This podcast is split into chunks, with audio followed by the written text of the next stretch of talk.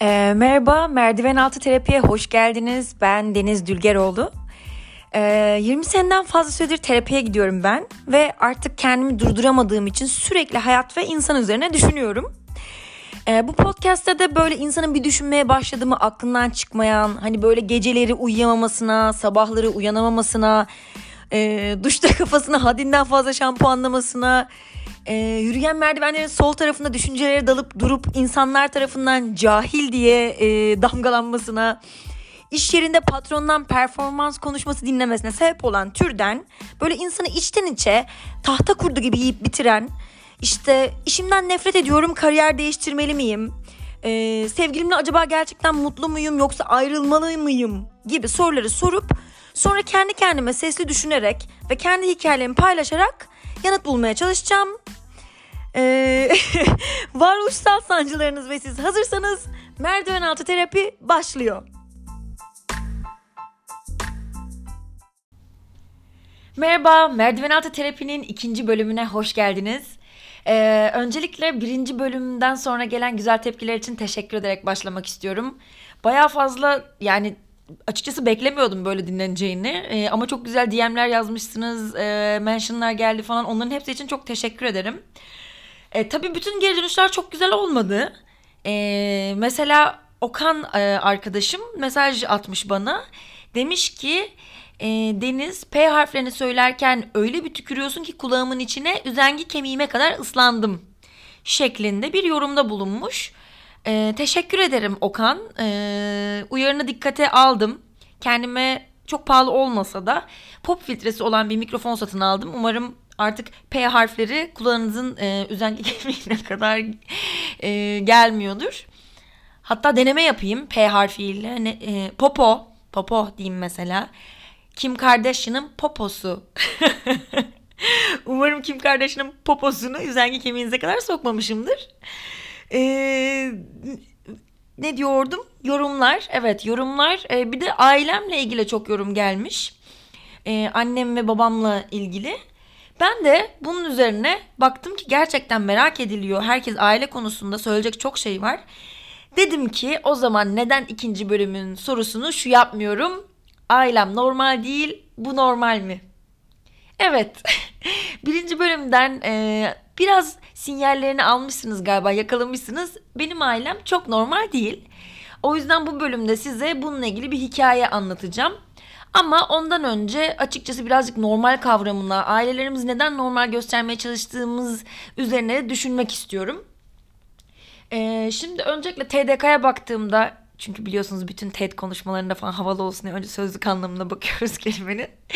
Normal şu demekmiş aklımda kaldığıyla e, doğal, alışıla gelmiş kurallara uygun olan ve şaşırmaya sebep olmayan. Bu normal.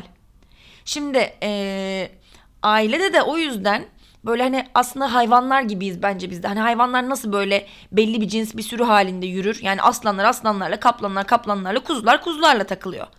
O yüzden insanlar da bence böyle. İnsanların hepsi aynı olmak istiyor. Sürüden farklı birisini görürse dışlıyor. O yüzden biz de ne yapmaya çalışıyoruz? Her türlü farklılıklarımızdan arınıp e, matematikteki şey gibi o bebokek vardı ya hani hepimizi e, ortak bölen en büyük sayıda buluşmaya çalışıyoruz. O da bu arada zaten bir oluyor. Dünyanın en sıkıcı sayısı. En özelliksiz. Ee, o yüzden hepimiz tüm bizi farklı yapan şeylerden sıyrılıp düz bir aile imajı yansıtmaya çalışıyoruz. Reklamlarda falan da zaten öyle mesela. Emlak reklamlarını izleyin. Ee, evin kapısı çalıyor, baba geliyor. Asla baba mesaiye kaldığı için bir sorunu yok. E, patronuyla ilgili hiçbir sıkıntısı yok. Maaşından çok memnun. Dönerken metrobüste hiç sıkışmamış. E, yanındaki adamın ağzı kokmamış falan gibi gülümseyerek eve geliyor. Anne kapıyı açıyor e, gülümseyerek yine ve sebepsizce döpü eskiyerek neden evde öyle gezdiği belli değil ama çok mutlu anne de. E, şey falan düşünmemiş çamaşır asarken böyle acaba benim hayatımın anlamı çamaşır asmak ve lavabo ovmaktan daha öte olabilir mi falan hiç sorgulamamış. Çok mutlu kendisi ev işleri yapıyor olmaktan. Arkada da pıtır pıtır pıtır çocuklar geziyor. Onlar da Maşallah hiç kavga etmek falan yok. Birbirlerine vurmak, kafasına indirmek falan. Onlar da minnoş minnoş oynuyorlar. Kahkaha falan atmıyorlar. Böyle peygamber efendimiz gibi tebessüm ederek sakin sakin bu şekilde oynuyorlar. Şimdi böyle bir aile e, açıkçası benim çevrem de dar değil bence yani oldukça fazla sayıda bence normal bir insan göre. Ben tanıyorum insan. Hiç böyle bir ailesi olan birisiyle ben daha tanışmadım. Yok öyle bence bir aile. Yani eğer böyle unicornlar falan gibi bilmediğimiz bir diyarda yaşıyorlarsa bilemiyorum. Ama bu dünya üzerinde ben görmedim. Bu hepimizin e, mış gibi davrandığı, varmış gibi davrandığı aile tipi. İşin gerçeğinde hepimizin ailesi biraz anormal. Mesela benim ailem yani ben çok normal olduğunu iddia edersem ayıp olur zaten en başta beni tanıyanlara. Ama tabii dışarıdan e, beni görenler şimdi şey diye düşünüyor. Doktor, baba, diş hekimi, anne, işte benim kız kardeşim plastik cerrah, erkek kardeşim avukat, işte ben de eski dişçi, yeni reklamcı. Ne kadar güzel ya. Ne kadar hani herkes eğitimli, okumuş, etmiş, aklı başında. Belli ki çocuklarına çok iyi yetiştirmişler falan. Bu dışarıdan görünen kısmı. Ama içeride e, hiç işler sizin hayal edeceğiniz gibi değil. Çünkü böyle bir şeyler hayal edemezsiniz yani. Ben anlatınca şimdi daha iyi anlayacaksınız. Hatta bir hikaye anlatayım istiyorum. Ee, ben bundan 6 sene falan önce sanırım bir reklam ajansına daha yeni reklamcılığa başlamışım çalışıyorum. Ee, benim telefonuma bir mesaj geldi babamdan. Şey yazmış babaannen öldü cenazesine gelecek misin? Yani ben zaten tek mesajla şeyi anlıyorum. Yani bütün her şey tek mesajla anlatılmış. Babaannem ölmüş. Hemen bir sonraki soruya geçilmiş. Cenazeye gelecek misin? O kısmı hızlıca geçmişiz. Neyse yani e, bu arada şu bilgiyi de vermem lazım. Ben babaannemi sevmiyordum. Sevmiyorum yani. Bu konuda şimdi diyebilirsiniz ki senin ailen ne demek sevmiyorum? Yani şöyle bir örnek vermek isterim. Mesela markete gittiniz. Markette sıradasınız kuyrukta. Bir tane kadın geldi hmm, diye size dirsek attı. Önünüze geçti. Pıt pıt pıt pıt aldığı eşyaları işte artık ne marketten aldığı fasulyesini makarnasını dizdi. Size de hiç gözünüze bile bakmadan onları ödedi şey yaptı gitti. Şimdi ne yaparsınız siz bu kadının arkasından küfredersiniz. O kadın benim babaannem. yani ben ee, sadece ailem diye bence birilerini sevmek zorunda değilim. Bana iyi gelmeyen kimseyi sevmek zorunda değilim yani. Neyse ben bir şekilde e, vefatını öğrenmiş oldum babaannemin ve yani dönüp yanımdakine işte şey dedim grup edime. Benim dedim babaannem vefat etmiş falan. Aa öyle mi falan dedi. Evet falan dedim. Sonra işte konuyu ne yaptım hatırlamıyorum. Ama sonra işime döndüm galiba. Bana şey dediler hani e gitmeyecek misin cenazeye? Yo dedim hani niye gideyim ki yani hani sevmiyorum kadını. Tabii sevmiyorum kadını diye ses söylemiyorum içimden düşünüyorum. Hani bana şey dediler saçmalama gitmen lazım. Hani ben böyle ama işler var falan diyorum saçmalama diyorlar. Bu babanın en zor günü yani yanında olman lazım. Çok acı bir kayıp bu sizin aileniz için. Ee, dedim yani tabii evet benim gitmem lazım. Çok doğru diyorsunuz.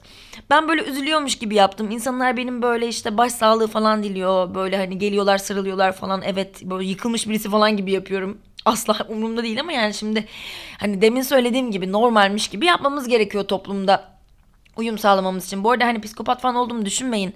Ben e, sevdiğim insanlarla ilgili çok şey hisseden birisiyim. Hatta hep böyle şey de tarif ederim. Ee, birisini böyle sevdiğim zaman çocukken giydiğimiz cırt cırtlı ayakkabılar vardı ya. Hani böyle sanki onun bir cırt cırtı böyle gelip benim kalbime yapışıyor ve o sökülürken böyle o cırt cırt bütün kalbimi lif lif böyle koparıyor gibi hissediyorum. Ama sevmediğim birisine karşı da hiçbir şey hissedemiyorum.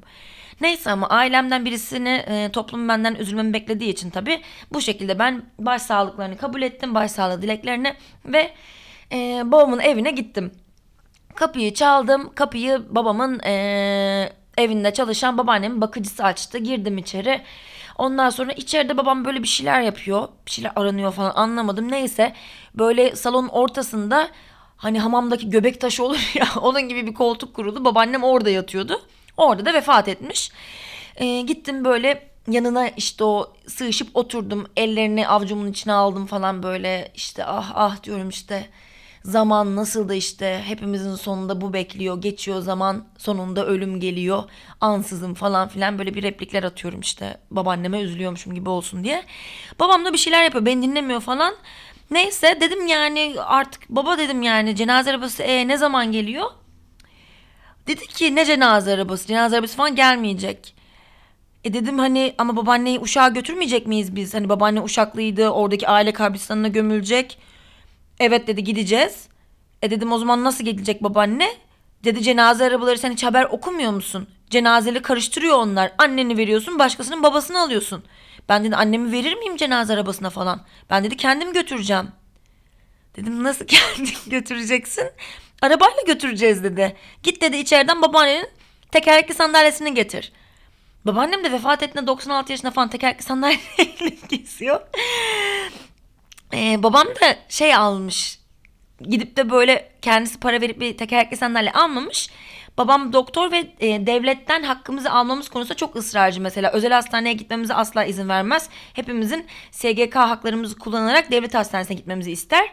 Devletin de verdiği böyle 300 küsür liralık falan bir hak varmış. Onu kullanarak bir tekerlekli sandalye almış. Tekerlekli sandalye şöyle hani şemsiyeler böyle yazın ki büyük plaj şemsiyeleri çekersiniz kapanır ya bu da böyle katlanarak kapanıyor yamyassı oluyor. Ama o kadar dandik bir sistemi var ki açık duramıyor. Ben içeriden getirdim bu tekerlekli sandalyeyi. Açmaya çalışıyorum böyle ama üstüne bastıra bastıra. Çünkü elimi çektiğim anda geri zırt diye kapanıyor böyle yamyassı oluyor. Neyse açmaya çalışıyorum. Babam da e, girdi babaannemin kollarının altına koltuk altından yataktan sürükleye sürükleye getirdi babaanneyi. E, tekerlekli sandalye oturtmaya çalışıyor. Ben bir yandan bastırıyorum o bir yandan sokuyor. Arada sıkışıyor tekerlekli sandalye babaannem. Arada böyle sıkışıyor falan. Böyle saçma sapan bir halde neyse yani sokuşturduk bir şekilde babaanneyi onun içine. Ondan sonra e, babam dedi kapıyı aç işte açtım. Ondan sonra çıkardık babaanneyi tekerlekli sandalyeyle sürüyoruz. Yani canlıymış gibi. Asansörü çağırdık. Ondan sonra kata babaanneyi soktuk. Arkasından babamla ben girdik. Asansörün içinde yani aynaya karşı şöyle bir e, kadraj var. Hani böyle tam bir mutlu aile tablosu. Bayramlarda falan fotoğraf çektirirsiniz ya hani saygıdan yaşlılar e, önde oturur. Arkada da daha genç olanlar ayakta durur. Babamla ben arkada ayakta duruyoruz. Babaanne de önde oturuyor. Ama yani şöyle bir sorun var. Babaanne yaşlıdan da öte ölü olduğu için e, yavaş yavaş kayıyor. Arada düşecek gibi oluyor. Tekrar tutup çekiyoruz. Neyse biz böyle zemin kata geldik. Ondan sonra çıktık apartmanın önüne. E, babam dedi ki sen burada dur ben arabayı getireceğim. Ondan sonra araba geldi. Ben arkaya oturdum. Babaanne bu arada yani üzerine kefen falan yok. Şimdi en son öldüğü çiçekli kıyafetiyle, elbisesiyle. Ben oraya oturdum. Ondan sonra ee, babaanneyi üzerime yatırdılar. Babaannemin bakıcısı da gelmiş şey diyor. Şişer yolda diyor. Üstüne bıçak koyalım. Dedim Dürdane Hanım sizce e, bir tane ölü yetmez mi arkaya? Bıçağı dedim na, delirmeyin yani bir fren falan olsa benim bir tarafıma girecek yani arkada saplanacak. Lütfen dedim şaşırmayalım. Neyse birazcık tartışmalardan sonra kabul ettirdim bıçak reddedildi. Almadık bıçağı. Ee, ben arkada yani bakıcı da geldi oturdu kucağımıza yatıyor babaanne. Önde de babam oturdu. Babamın bu arada annemden sonra evlendiği bir karısı var. Ee, o da geçti öne oturdu. Biz böyle yola çıktık. Ee, Uşak'a doğru 7 saatlik bir yol. Babaanne Stephen Hawking gibi böyle kafası eğilmiş. Kucağımda yatıyor. Allah'ım. Ondan sonra ee, yani biz giderken annemden mesaj geldi bana. Şey diyor işte ne yaptınız? Çünkü anneme söylemiştim babaanne öldü falan işte uşağa gidiyor gideceğiz falan filan e, gitmek gerekecek herhalde diye. Ondan sonra annem de bana işte şey diyor ne yaptınız? Ben de şey dedim işte biz Uşak'a gidiyoruz. E, kim kim gidiyorsunuz dedi. İşte dedim babam, karısı, işte ee, ben, babaannem. Annem nasıl babaannem dedi. Annem ben böyle pisliklerle e, korkutmayı çok severim. Dedim babam cenaze nakil araçlarına güvenmiyormuş. Yani o yüzden dedim e, biz bu güvensizlik sorunu yüzünden şu an babaannemi kendimiz e, babaanne kendimiz taşımaya karar verdik. Arka koltukta benim kucağımda dedim. Annem dedi ki mesajda Deniz hemen söylüyorsun babana arabayı kenara çekiyor. O arabadan iniyorsun. İlk otobüsle İstanbul'a geliyorsun ve bu olayı kimseye anlatmıyorsun. ben şu an podcast'te herkese anlatıyorum. Çünkü bence böyle olaylar duyulmayı hak ediyor. Ee, herkes saklıyor böyle tuhaf hikayelerini. Neyse biz yola devam ettik. Ondan sonra ee, ben böyle neyse buraya atlayacağım. Ee, biz devam ediyoruz yola. Bir süre sonra şey oldu bu ekibin ee, karnı acıktı. Ondan sonra ee, dediler ki yol kenarına bir yere çekelim yemek yiyelim. Ondan sonra indiler arabadan. Bana dediler ki sen gelmeyecek misin? Yani şimdi ara, aralarındaki tek galiba hani nispeten daha aklı yerinde insan benim ve yani şeyi düşünüyorum. Biz bu arabadan hep birlikte inersek arkada bir kadın var. Kadın ölü yatıyor. Yani biz mafya mıyız terörist miyiz? Bu kadın kim? Neden ölü bir kadın var arabanın içinde? Hiçbir şey belli değil yani birisi gelip kafasını soksa arabanın içinden görse yani hani çok saçma bir şey. O yüzden bunları böyle hızlıca düşünüyorum. Dedim ben inmeyeyim. Ben durayım babaanneyle. Siz dedim bana gelirken bir çubuk kraker falan bir şey getirin. Neyse onlar indiler. Gayet güzel yemeklerini falan e, yediler. Ondan sonra hatta üzerine tatlı söylediler. Üzerine e, Türk kahvesi içildi falan. Ee, hatta ben de orada böyle ilk kez şey düşündüm. İlk kez babaanneyle aynı sayfadayız. İkimiz de şu an bu durumu inanılmaz yargılıyoruz. Bunu yapmamalıydınız. Orada babaanne yatarken gidip yemek üzerine tatlı üzerine kahve lütfen yani. Neyse e, bitirdiler yemeklerini geldiler. Ondan sonra bana sağ olsunlar çubuk kraker de almışlar. Ee, ben açtım çubuk krakerimi yiyorum yolumuza devam ediyoruz uşağa doğru. Ee, ben bir yandan çubuk kraker yerken bir yandan da e, selfie çekiyorum bu anneyle. yani biliyorum çok garip geliyor ama yani olay o kadar garip ki yani böyle bir anım olması lazım diye düşündüm yani her gün yaşayabileceğiniz cinsten bir olay değil. Gerçi bizim ailede çok seyrek de yaşayacağınız bir olay da değil bu ama neyse. Ee, ben böyle hua hua falan babama çaktırmadan böyle koltuğu siper almaya çalışırken selfie çekeceğim edeceğim derken çubuk kraker benim yediğim düştü. Babaannenin çiçekli elbisesinin yakasından girdi, yuvarlandı, gitti. Nereye gitti bilmiyorum. Ve benim babam da e, annesiyle ilgili inanılmaz şöyle bir şeysi var yani. Annesi böyle tanrı gibi inanılmaz ona şey yapıyor. Varsa yoksa annesi hani bir tanesi o e, çok son yıllarında gözünün önünden ayırmadan baktı falan böyle. Ve yani biz morga gidersek ve babaanneden çubuk kraker çıkarsa babam bana der. Sen annemin üzerinde çubuk kraker yedin bir de kadının bir tarafına girdi. Hiç utanmadın mı falan filan diye. Yani benim şimdi düşündüm böyle bir şey hiç öyle bir risk almak istemem. Yani ya Allah bismillah dedim elimi soktum babaannenin yakasından aşağıya. Ama yani Şimdi artık o yaşta bir insanın neresi neresi falan belli değil yani. Nerede aradım bilmiyorum ama çubuk krekeri bir şekilde buldum. Aldım çıkardım. Ondan sonra e, yolumuza sağ salim e, devam ettik. Uşağa vardık. E, Uşak'ta babaanneyi morga bıraktık. Gece orada yattık. Ertesi günde babaanneyi toprağa defnettik. Ee, ve cenazede çok tuhaf bir şekilde sadece ben ağladım. Bu böyle bir hikaye. Ee, benim hayatımı çok etkiledi. Çok e, belki de aslında garip bir şey yaşadığım için e, bunu aşmak için garip bir şey olduğunu fikrini sürekli komik bir şekilde insanlara anlatıyorum. Çünkü eğer komik bakarsanız bu olay aslında komik de olabiliyor. Yani kara mizah en azından olabiliyor. Ee, bu hikayeyi anlatmak istedim size çünkü bence aslında annemin dediği gibi böyle hikayeleri saklamak iyi bir fikir değil. Normal bir insan, normal bir psikolojiye sahip, mükemmel kusursuz e, bir insan olsa zaten o bir android olurdu. İnsan olmazdı. O yüzden bence hepimizin kusurlarını saklamaya çalışıp ortak bir düzlükte buluşmaya çalışması yerine hepimizin kusurlarını anlatması ee, ve kusurlarımız üzerinden birbirimize yakınlık hissetmemiz bana daha iyi bir fikir gibi geliyor. Hani aa onun e, tuhaflığı var o zaman ben de kendi tuhaflığımdan bahsedebilirim deyip başka bir insan size bir tuhaflığını açtığında bence oradan kurduğumuz bağ aa ne güzel ikimiz de dümdüzüz deyip kurduğumuz bağa göre bence çok daha kuvvetli bir bağ oluyor. Ee, hatta şöyle ben e, çok fazla bu olaylardan yaşadığım için e, terapistim bana e, terapide konuşurken şey demiştim işte yani çok fazla demiştim dünyam ikiye ayrılıyor gibi hissediyorum. Hani bir benim normalliğim, gerçekliğim var bir de ailem yüzünden yaşadığım böyle tuhaf hikayeler var ve sanki böyle bir yarılmaya sebep oluyor benim iç dünyamda diye. Terapistim de bana demişti ki ee, işte sen o iki dünya yarıldığı zaman normal insanlar A noktasından B noktasına gitmeye çalışırken lineer bir şekilde senin A noktasından Z noktasına gitmen gerekiyor.